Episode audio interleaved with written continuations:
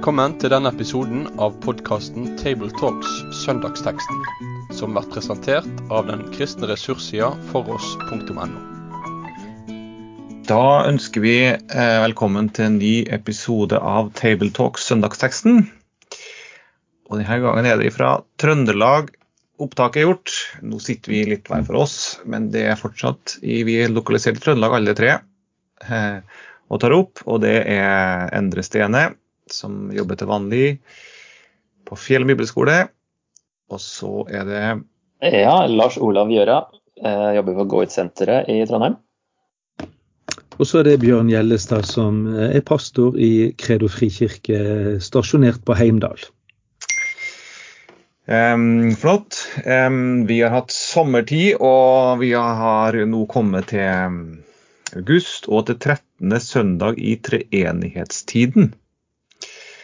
Det er ganske sånn klart ofte hva som er tematikken i de ulike kirkeårstidene når det er jul og advent og faste og påske og pinse. Eh, Treenighetstida er litt mer sånn diffus hva som er hovedretningen. Eller det er kanskje ingen hovedretning, det er mange slags retninger i treenighetstida. Vi har lagt bak oss de store høytidene, og vi har uh, i påska møtt Jesus, og pinse har fått blitt minnet om åndens komme. Og nå er det litt sånn ulike temaer fra, fra søndag til søndag. Og også denne teksten er litt sånn eh, Kanskje ikke den mest prekte søndagsteksten som jeg har hørt preka over. Uh, jeg kikka over en del postilla preken, preken, prekenbøker før, før, nå, og jeg så ingen som har preka over teksten her. Eh, og det er en litt sånn litt sånn krevende tekst eh, å nærme seg. Men vi skal lese den i fellesskap. Og teksten er fra Lukas 12, fra vers 41 eh, til 48. Da spurte Peter, Herre, er det oss du sikter til med denne lignelsen, eller gjelder den for alle? Herren svarte, hvem er da den tro og kloke forvalteren som Herren vil sette over tjenestefolket sitt for å gi dem mat i rett tid? Lykkelig er den tjeneren som Herren finner i arbeid med dette når han kommer tilbake. Sannelig, jeg sier dere, Herren skal sette ham over alt han eier. Men sett at denne tjeneren sier til seg selv, det varer lenge før Herren min kommer og så gir seg til å slå tjenesteguttene og tjenestejentene og spise og drikke til han blir full. Da skal tjenerens herre komme en dag han ikke venter, og en time han ikke kjenner, og hogge ham ned og la ham dele skjebne med de vantro.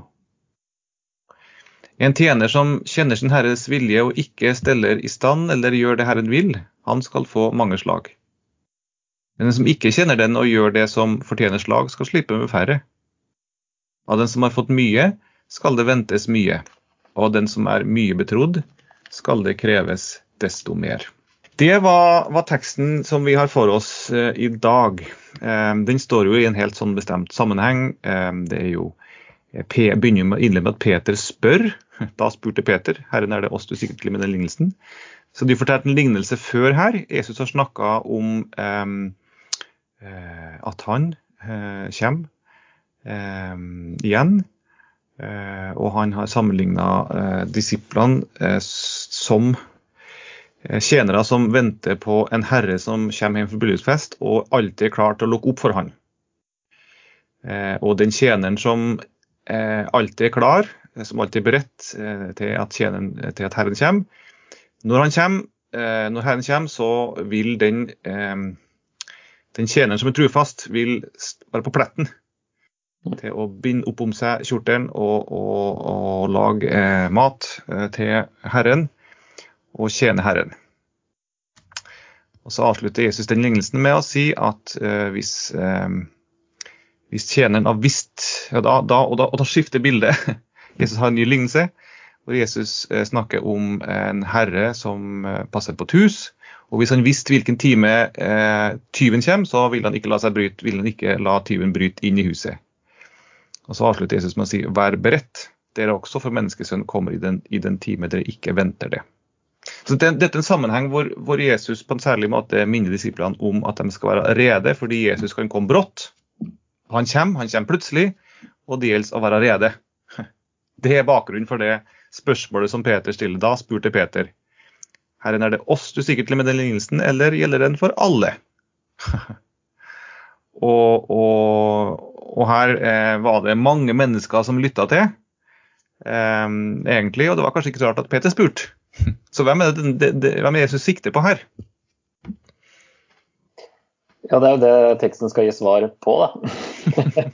så, så, begynner jo Jesus med et retorisk spørsmål. Ja, hvem er da denne tro og kloke forvalteren? Mm. Og så beskriver han jo en uh, litt forskjellige kategorier. Tjenere og forvaltere, og kommer jo liksom ikke sånn helt tydelig med et svar, da, som litt sånn typisk Jesus, kanskje. Jeg svarer ikke egentlig på spørsmålet. Ikke, helt, ikke helt konkret, i hvert fall. Nei, ikke med en gang. Ikke umiddelbart. Nei. Nei. Men det er et godt spørsmål, og eh, det Peter kom med, da, det kunne vært nyttig å ha hatt flere sånne underveis. hvem er det egentlig som er til stede her? Mm. Eh, og hvem er det som får Ja, for ofte så er det da disiplene og en folkemengde, så, og så fokuserer Jesus på litt forskjellig. Mm. Hvis vi ser kapittel 12 i, i, som en kontekst her, da, så er det i hvert fall tusentall, står det i vers 1. Og um, så snakker han da til uh, mengden, uh, den lignelsen da om den rike bonden. Og så snur han seg mer til disiplene i vers 22, når han kommer med forklaringa på den lignelsen da må ikke bekymre seg. Og så fortsetter han liksom her, og da begynner Peter å lure. da, Snakker du fortsatt bare til oss, eller hva, mm. hva gjør du nå?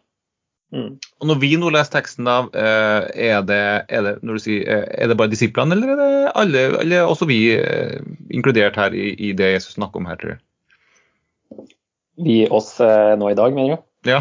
Mm. Jo da, vi er jo som regel det. Som disipler, vi òg.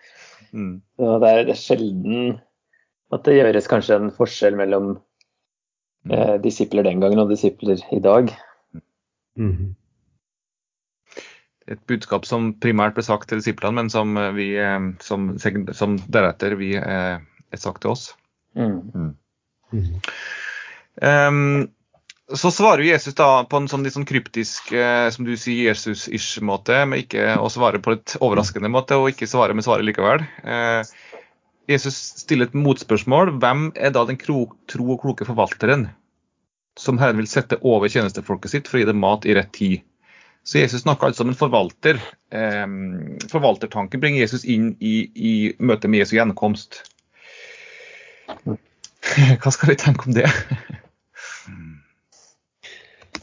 Jeg tenker det at eh, det forteller oss jo eh, i hvert fall eh, en viktig ting at generelt for alle mennesker så er det i hvert fall det at vi er, vi er låntakere her på jorden. Vi er vi, ingen av oss eier noe. Vi kommer naken til jorden, og vi forlater jorden naken.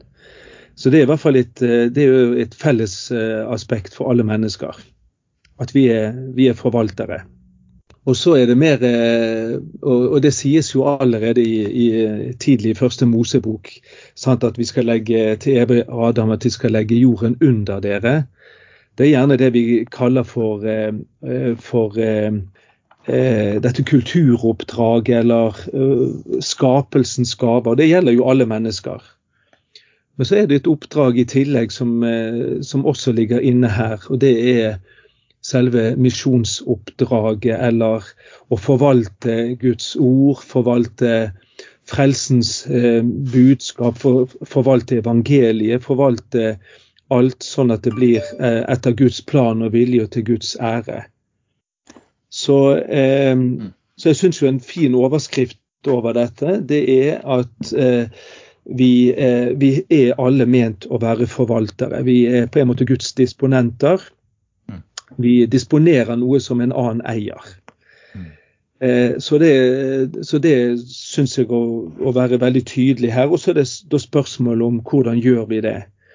Og Da forteller jo disse lignelsene at det går an å være gode forvaltere, og det går an å være dårlige forvaltere. Og så sies det litt om hva preger eh, eh, de gode forvaltere. Og, og så kan vi tenke omvendt. Det omvendte det preger da de dårlige forvaltere. Jeg syns at eh, det andre verset i, i teksten vår, vers 42, det setter oss i hvert fall på spor av noe av det som han, noe av trekkene som vi finner hos, eh, hos gode forvaltere. Og det er jo det første at han sier hvem er da den tro og kloke forvalter. Der har vi i hvert fall to, to ting der. At en, eh, en, god forvalter det er en som eh, viser troskap, og det er en som viser klokskap. Mm. Men vi kunne, kunne, bare ta med at eh, jeg lurer på om det er et slags likhetstegn ja, mellom det å være trofast og det å være klok. Ettersom i, i ordspråkene og, og, og, i GT, da, i jødisk sammenheng, så er jo den vise er jo den som gjør Guds vilje. Mm, mm. Jeg tenker Det Jesus forklarer her òg, at er, er, du klok, så gjør du Guds vilje. Så snakker han om den som kjenner Guds vilje, men ikke gjør det. Han er jo en dåre, da, ut fra ordspråkene. Mm. Mm. Så, så, men det har jo noe med det å vite et tidspunkt og få riktig å si, Det å kunne ta riktige avgjørelser på riktig tidspunkt. Mm. Men, men uh, all den visdommen da, i GT oppfylles i Jesus, det òg, med at uh, han er blitt vår visdom, som Paulus mm. Mm. Uh, sier. Og at i relasjon med Jesus så vil vi jo bli kloke. Uh, selv om det ikke betyr økt IQ, så vil vi få hjelp til å ta de rette avgjørelsene. Da. Ja, og, og, da blir begrepet tro og klokskap egentlig to sider av samme mynt, på en måte? Jeg tror du, du får kloke, klokhet ved å være trofast, ja, kanskje. Ja, ja. Mm. Mm. mm. Det står jo der i vers 42 at det har noe med, med eh, å gi mat i rette tid. Mm. Altså du gir rett mat, og du gjør det i rette tid. og Det kan jo tolkes også eh, i overført betydning. Så det har noe med at eh, du møter behovene på riktig måte og riktig tid. Mm. Ja, å gi, å gi, mat her forstår jeg jo kanskje særlig inn mot eh, det å gi åndelig mat. Eh, både inn i et hjem, i en familie, eh, inn, i en, inn, i en, forsamling, menighet og, og ellers ute i, ut i, verden. At man formidler evangeliet. da. Mm. At det er det Jesus først primært snakker om her. Mm. Men det er jo interessant altså, ja, at uh, denne, denne, forvalteren han uh, han viser sin eh, troskap og klokskap, eh, hvordan han håndterer sine øvrige tjenere. Mm. Bl.a. med å, å, sørge mm. for dem. da. Ja. Mm. Og Det er jo interessant sånn tidsaspekt, syns jeg. her da, fordi Han sier jo hvem er da den tro og kloke forvalteren som Herren vil, vil sette over tjenestefolket sitt. Og så sier han i vers 43 at lykkelig er den tjeneren som Herren finner i arbeid med dette når han kommer tilbake. Så det er noe som Jesus kommer til å gi dem dette oppdraget, og så skal de være i gang med det oppdraget da, når han kommer tilbake igjen. Så Det er liksom både det er framtid fra tidspunktet Jesus sier det, og så skal de holde på med det når han kommer tilbake. Da. Og så skal de settes over enda mer, sier han da. Eh, over alt han eier, hvis de har Altså i neste, i neste verden, da. Så kan ja. Ja, det er litt interessant, fordi vi, eh, Bibelen snakker jo om, om, om evighet eh, som en hvile. Det, det, det gjentas jo eh, på nytt og på nytt. På, på, samme tid så snakkes det her også om, om, evigheten ikke bare som en hvile, ikke bare som en, som en ligger på sofaen. eh, ikke, ikke, en sånn hvile, men en aktiv hvile. Eh, jeg, vet ikke om vi tenker litt feil om arbeid. For vi tenker at liksom, arbeid er liksom et, et, minus, et ork, og så har vi ferie. Da, liksom, da er vi der vi skal være. eh, liksom, men, men, det er jo ikke sånn jeg liksom møter det i Bibelen. Der, der, blir jo Adam og Eva skapt inn i en situasjon ikke til å ligge på, på gresset, mm. men til å forvalte. Mm. Til, å, til, å, til, å, til, å, dyrke jorda. Og, og det, det, er på en måte eh, Jesus eh, lønner dem som er trufast. Mm. De, de, lønnes ikke bare med å ligge på sofaen, men de lønnes til, til et større ansvar. Mm. Ja, jeg fikk jo eh, litt assosiasjoner til det som sies andre steder om at vi skal regjere sammen med han.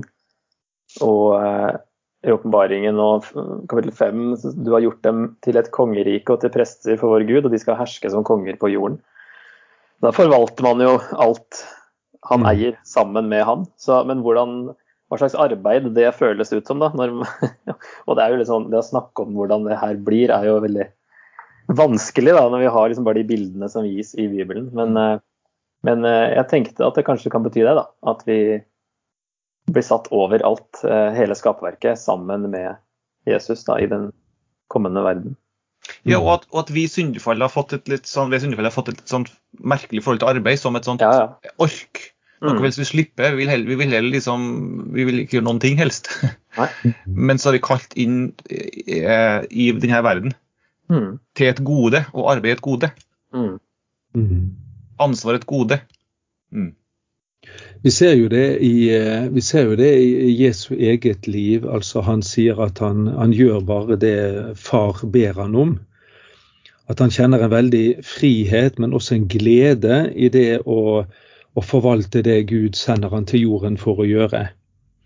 Og Da tenker jeg at det også er en parallell til hva vi er kalt til. At det, er, det forbindes med en, en både en, eh, en glede og, som det står flere ganger, lykkelig i den som gjør det han er satt til å gjøre. Altså Lydighetens vei tenker jeg, det er ikke en tung, eh, tung vei, Mm. men det er en livsfremmende vei. Det er det å gjøre det Gud vil. Eh, det er livsfremmende for oss på alle mulige måter. Og det hviler i det. Og det hviler i det, ja. Ja. ja. Ja, det er der, er der hvilen ligger. ja. Det, det er vel en fare med den, de, sånne tekster som det her, da, at man kan bli litt stressa av eh, at det ikke føles som hvile alltid, at man må gjøre en oppgave riktig og nok for at Jesus skal bli fornøyd når han kommer. Og at Ja. ikke man skal få en av de straffene som etter hvert her beskrives. Men det er også interessant å se på uh, hva som står ellers i kapittel 12 her. Uh, fordi kapittel 12, eh, det som kommer før her, handler ikke om, om alt hva vi skal gjøre, men det er stikk motsatte. Mm, Om det å være ubekymra. sant? Vær ikke redd, sier han i vers eh, 32. Mm, Og at, og at vår, vår, eh, vårt livsvilkår i verden er egentlig å være ubekymra for vår frelse, for den Jesus tatt seg av, og for Mm. vårt liv, for han vil gi oss mat og drikke. Så vi har egentlig kalt til en total ubekymrethet. mm, Mm. Eh, nettopp fordi, vi, fordi eh, det er en ting vi skal bekymre oss for, eh, og det er å dele eh, eh, å, være, å være forvaltere. mm, Men eh, så, så det, det, er den, det er den gode og tro kloke tjener. Eh, men så skifter bildet, da. Så snakker en om den samme forvalteren. Og sett nå at denne forvalteren til Jesus eh, sier til seg sjøl at det varer lenge før Herren kommer. Og han gir seg da til å slå tjenestegutta og tjenestejenta og spise og drikke til å bli full. Her tegnes det liksom et stikk motsatt bilde av en forvalter, mm. som er likegyldig. Ja, og som, og som eh, utnytter det til egen fordel. fordel. Og jeg tenker at eh, Det Jesus går over til å snakke om, det er jo det motsatte av eh, å være en tro og klok forvalter. Sant? Da, da gir du opp troskapen, for du, du holder ikke på med det Herren har kalt deg til å gjøre, men du begynner å gjøre noe helt annet. Og du viser heller ikke klokskap. Eh, og, jeg tenker det, handler jo om eh, det tredje punktet som vi ser med en eh, forvalter. at det også er Det handler òg om at forvaltningen skal, skal så å si etterprøves. Det kommer et, det kommer et regnskap. Eh, og Et annet ord for dette forvalter og husholder, det er jo eh, eh, økonomos, er det vel? Sånn at Du har det inne med økonomi, og en del av økonomi det er jo det at det kommer et sluttregnskap. Og så skal det gå i pluss. Eh, Så, eh, så det sies jo her at, at det vi er skapt til å forvalte, at det eh, det skal vi gjøre i bevisstheten om at, eh, at Gud vil etterprøve det, eh, men også at vi gjør det i ansvarlighet overfor Han som har gitt oss eh, de forskjellige oppdragene, altså enten det er kulturoppdraget eller det frelsesoppdraget. Så jeg, eh, jeg syns jo igjen, sånn som jeg sa tidligere, at det, eh, det med forvaltning det, det bunner veldig mye i vil jeg være en som, eh, som vil være lydig mot skaperen min, mot min far, eh, mot eh, frelseren min?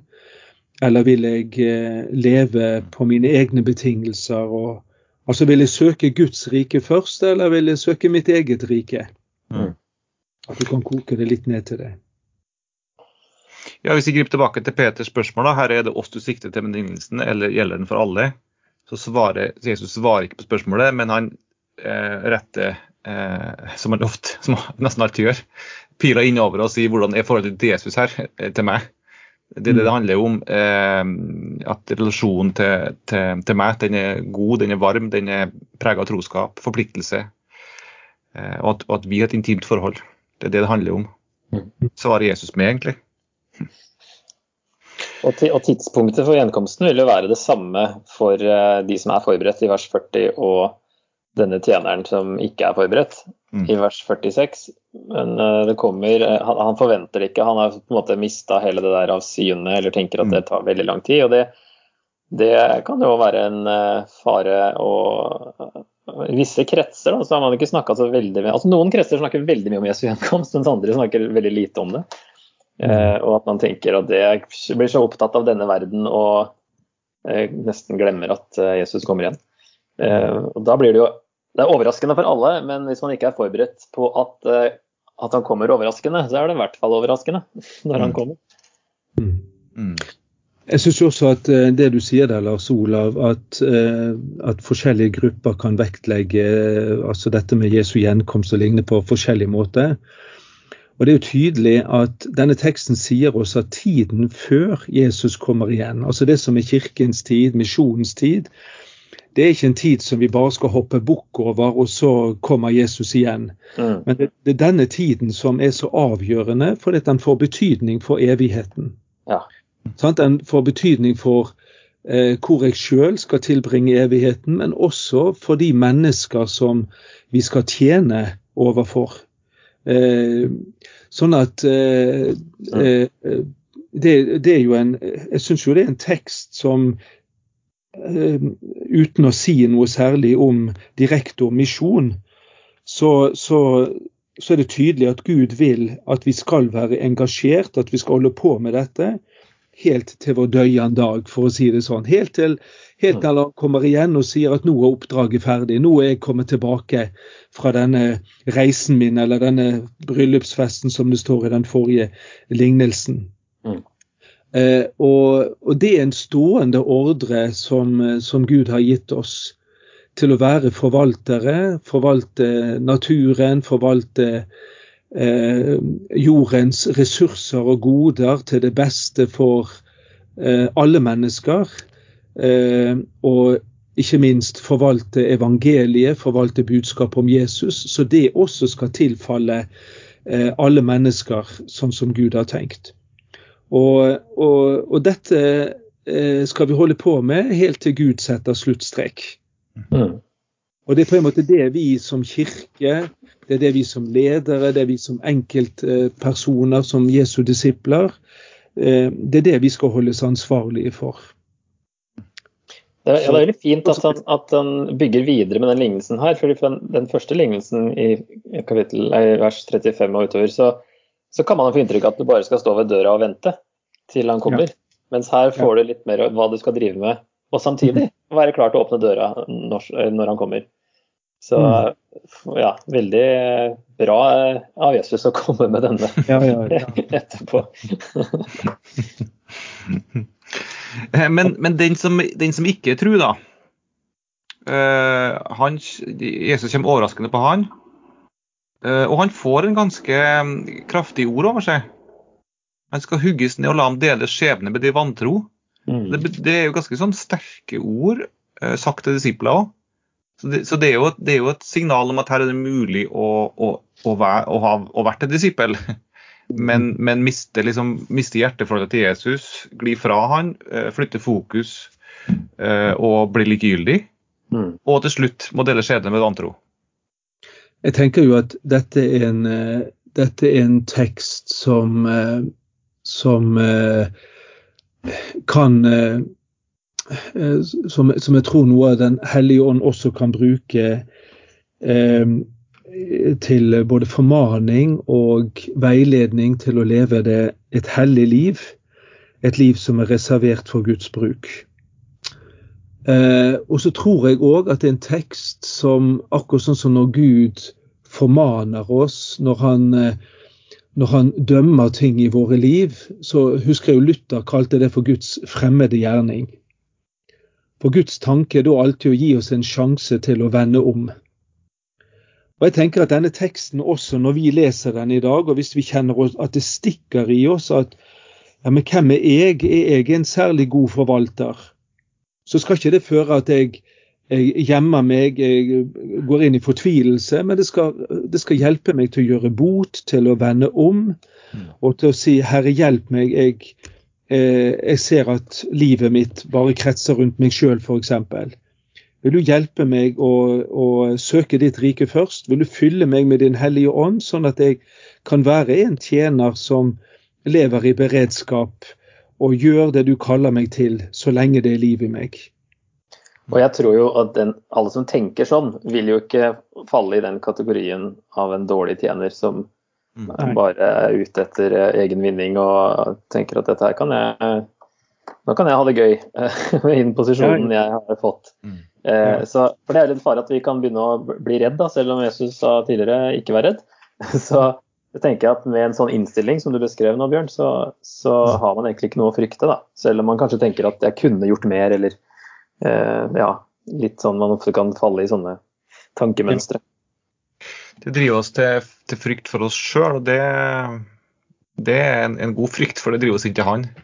For det er han som kan holde oss våken og levende. Eh, ikke oss sjøl, men bare han alene.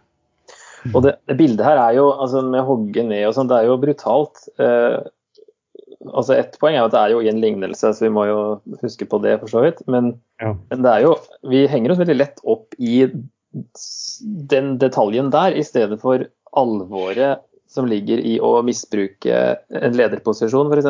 i Guds menighet. At Gud bryr seg så mye om de små sauene at uh, en alvorlig straff vil uh, komme av en som ikke har uh, en som har gjort det motsatte da, av det han burde i den posisjonen. Så det er litt, det her, litt sånn typisk av oss egentlig å fokusere litt på de brutale tekstene som vi går glipp av hovedpoenget, egentlig. Jeg er helt enig med det. Jeg tror du har et viktig poeng der. Så slutter jo teksten med en litt sånn overraskende vending òg, kanskje. Eh, hvor Jesus eh, formidler at det er forskjell i straff her. Eh, den som eh, kjenner hans vilje og ikke gjør det, han skal få mange slag. Den som ikke kjenner og, og, og gjør det som, som, fortjener slag, skal slippe med færre straff. Eller med mindre straff. Av den som har fått mye, skal det ventes mye og den som er mye betrodd, skal det kreves desto mer. Dette, dette er litt sånn um, uvant tankegang for oss, for vi tenker kanskje bare at uh, ja. vet, ja. Hva tenker dere om det her? Jeg tenker, jeg tenker at uh, det er veldig mye knyttet til endetid og til Jesu komme som uh, som eh, ligger litt utenfor vår forståelse og fatteevne. Eh, akkurat sånn som det gjelder hvordan, hvordan skal den nye himmel og den nye jord bli. For det at det, vi har egentlig ikke bildet som, som, dekker det godt nok. og Derfor må du bare bruke jordiske begreper og uttrykk. Mm. Men eh, så, eh, så det å lage en veldig detaljert eh, hva skal si, det, eh, lære eller noe om, om, om dette, det, det, kan være litt vanskelig.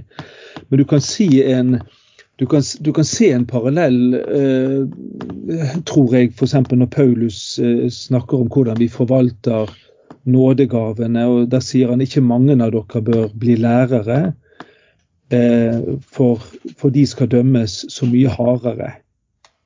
Og Da tenker jeg at det finnes, det finnes noen oppgaver som får større konsekvenser for flere mennesker enn andre. Mm.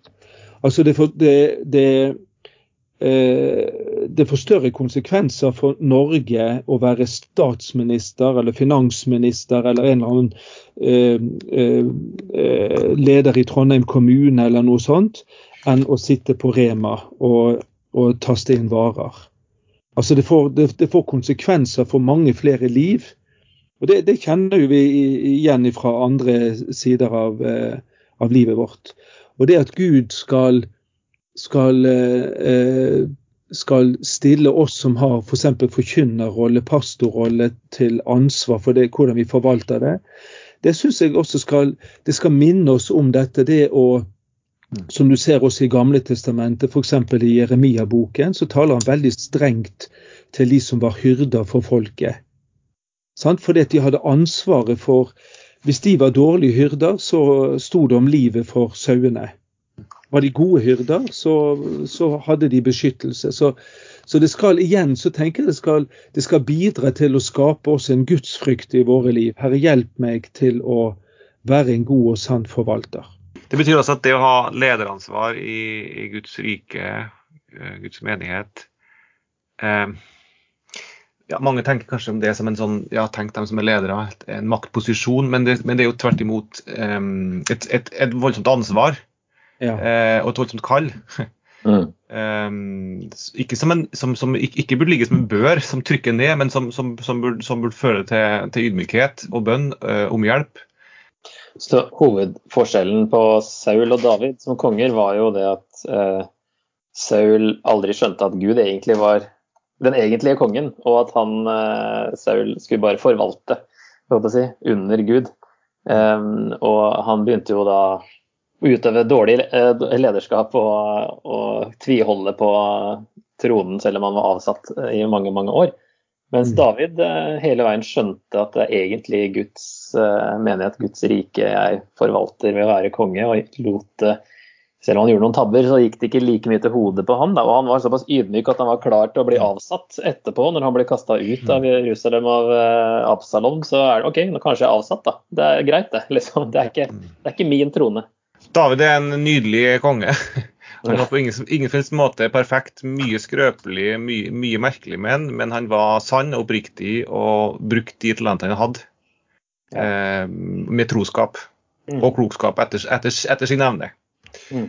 Det er et forbilde for, eh, for alle ledere og kristne tenker til slutt på et ord av Paulus, hvor han sier til menigheten i, eh, lederne i menigheten i Efesus Jeg akter ikke mitt liv et ord verden jeg bare kan fullende mitt løp og den tjeneste jeg fikk av Herren Jesus Kristus og vitne om Guds evangelium. Det er mm, et vitnesbyrd om en klok og trofast tjener som, mm. eh, som, gjør det som Herren har bedt om, og vitne om Guds nådes evangelium. Men det tror jeg vi runder av med en bønn.